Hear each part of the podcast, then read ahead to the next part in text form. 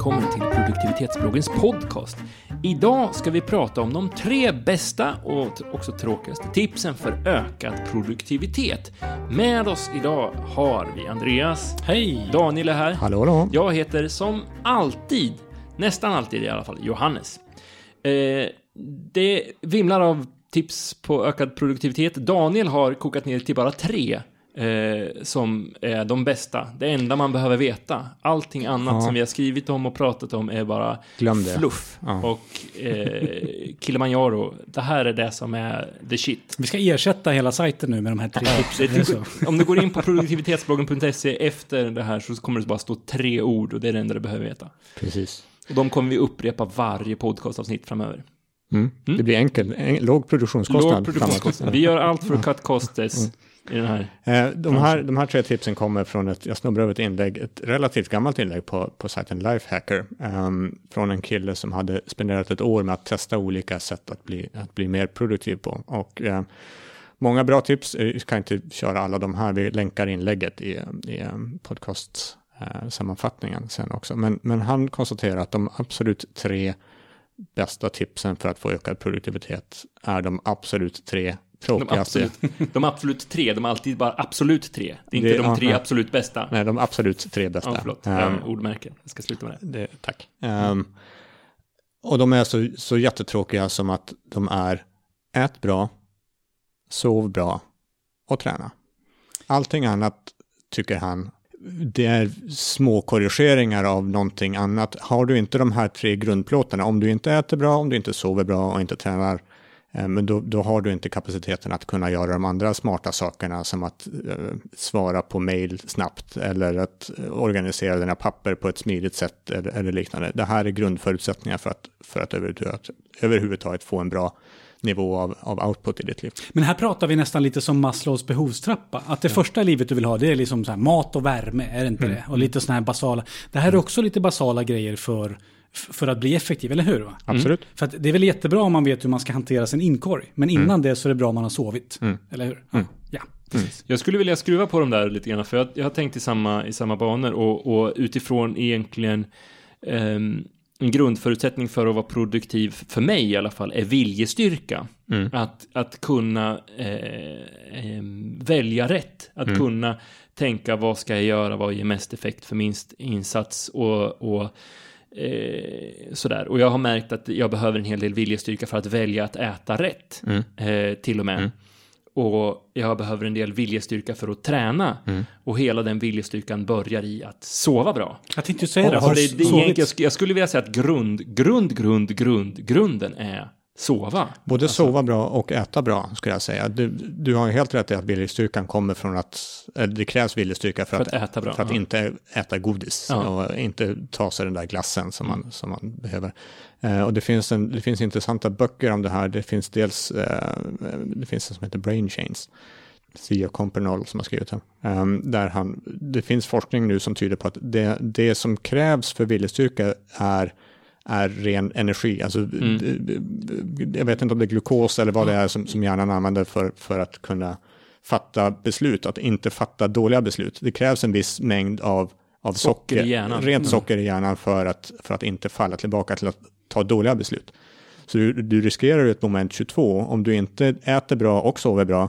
Men då riskerar du att ta sådana beslut som gör att du fortsatt inte äter bra och fortsatt inte sover bra. Men Och så- tränar man så får man ju bättre sömn också. Så det är också lite i grunden. det är lätt att hitta en positiv spiral i det där. Att Mm. om, man, om man sover och äter och tränar bra så, så eh, förstärker det varandra. Liksom. Mm. Och det är väldigt lätt att, att märka av när man gör det. Mm. Eh, Jag tror att jag är inne i en fas nu där jag gör det. Men jag vet många faser när jag inte gör det. Och då skulle man ju vilja veta hur man gör för att vända spiralen. Men i faser där jag tränar regelbundet sådär, då vet jag, då vill inte min kropp ha choklad. Och den vill inte ha chips.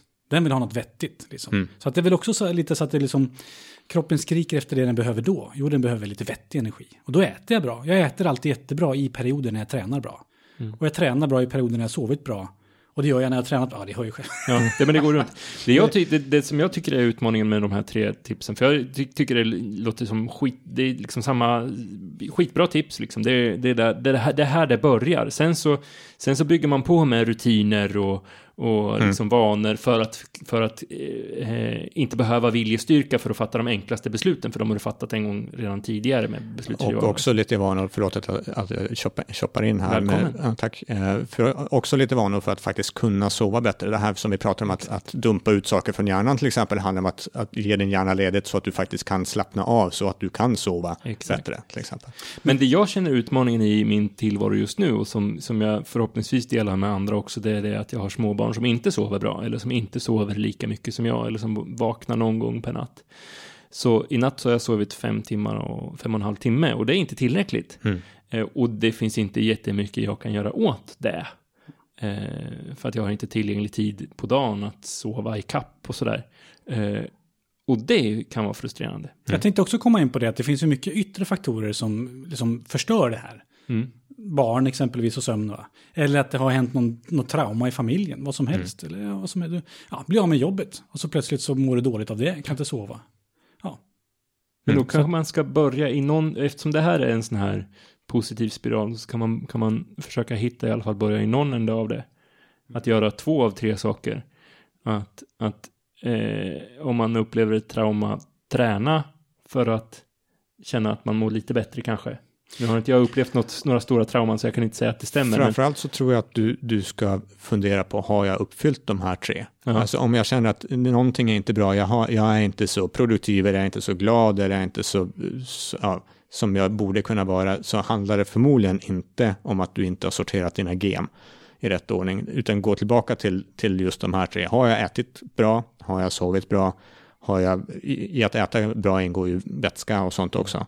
Um, har jag utsatt mig själv för, för fysiskt välmående, tränat på något sätt? Uh, har jag inte gjort de tre, men det kanske börjar med de tre för att se om det här löser mitt problem. Mm.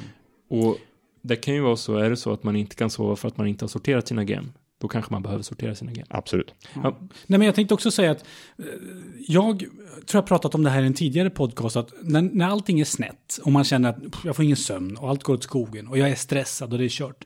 Då har jag i perioder tänkt så här att okej, jag vet ju vad som är rätt. Jo, jag måste sova åtta timmar. Jag måste äta vettigt och jag borde liksom springa då och då. Då har jag tänkt i perioder så här att nu ska jag göra allting helt rätt i två dagar. Bara två dagar ska jag göra allting perfekt. Jag ska sova, jag ska gå och lägga mig i tid och jag ska inte ta den här pizzan och så vidare. Va? Och när man gjort det i två dagar, det är som att man liksom snäpps in i en, en bra spiral. Förstår du? Så att lite så har jag försökt tänka. Två dagar av perfektion, det blir bra. Men jag skulle också vilja flika in att ett bra sätt att se det här. Jag är ute och missionerar, jag är ute och föreläser, jag har ju bytt. Det känner ni till. Jag bytt, jag håller inte på med IT längre. Va? Har du bytt jobb? Nej, nu är Vad säger du nu? på heltid så jobbar jag som föreläsare. Jag föreläser om utmattning och stress. Så en stor punkt i det, det är att jag tycker att man ska glo i sin vardag. Och det tycker jag är en bra indikator för det här. För att om du sitter och glor bara i din vardag, då poppar upp en massa tankar i ditt huvud. Och de här tankarna talar om för dig om, om du har ätit bra, sovit bra och tränat. För att om tankarna är så här mörka, om man säger så här, oh, det är massa, oh, jag, jag måste fly till jobbet för att man har massa e, onda tankar och så vidare. Och jag kan inte sova på natten av det kanske. Då kanske det är någonting du måste behandla från din barndom eller säga förlåt till någon eller sådär va. För att du ska kunna glo. Och, det det är så, och då kan du också sova bra, bättre förmodligen om du har behandlat det. Så att säga. Eh, och har du inte ätit vettigt, nej men då, eller om du äter massa socker och sånt på kvällen, då kan man inte sova, då är man stimmig. Då kan man inte heller sitta och glo, utan då vill man snabbt fram med telefonen och titta på den eller titta på en serie eller så här. Så jag tycker så här, det kan... Självdiagnos Ja, en bra Mm. självdiagnos, det är att sätta sig och bara så här, glo i tre minuter, klarar jag det? Ja, men då, då mår jag nog kanske bra. Må- Klarar jag inte det, då kanske man kan hitta vilka av de här tre punkterna som inte... Jag vet inte, låter det vettigt? Eller? Ja, jag tycker det låter klokt. Och då menar du glo i allmänhet, inte på någon. Ställ dig vid ett fönster och bara Mm. titta. Och i- som ingen interaktion med någon, utan bara vara. Liksom. Jag tycker också de här tre, tre tipsen är bra för att alltså, man kan tänka sig det i mikroformat också. Alltså det behöver inte vara, nej, med träna så behöver det inte vara springa ett maraton eller, Nej, eller inte. kör, kör Nej. fyra timmar på gymmet. Utan det kan vara ta en, ta en promenad runt kvarteret. Det är det enda du behöver göra om du vill vända spiralen. Samma sak äta, ja men det kanske handlar om, om du känner dig att du inte har, är på tårna, ja men då kanske det är två glas vatten Mm. och en knäckemacka Mm. som du behöver för att vända spiralen. Och samma sak, sova kanske man inte behöver göra, men man kanske behöver någon slags återhämtning. Oavsett om det är att glo, eller titta på gamla avsnitt av Simpsons, eller vad det nu kan vara. Liksom Mm. För att eh, stänga av hjärnan och återhämta, mm. återhämta sig lite grann.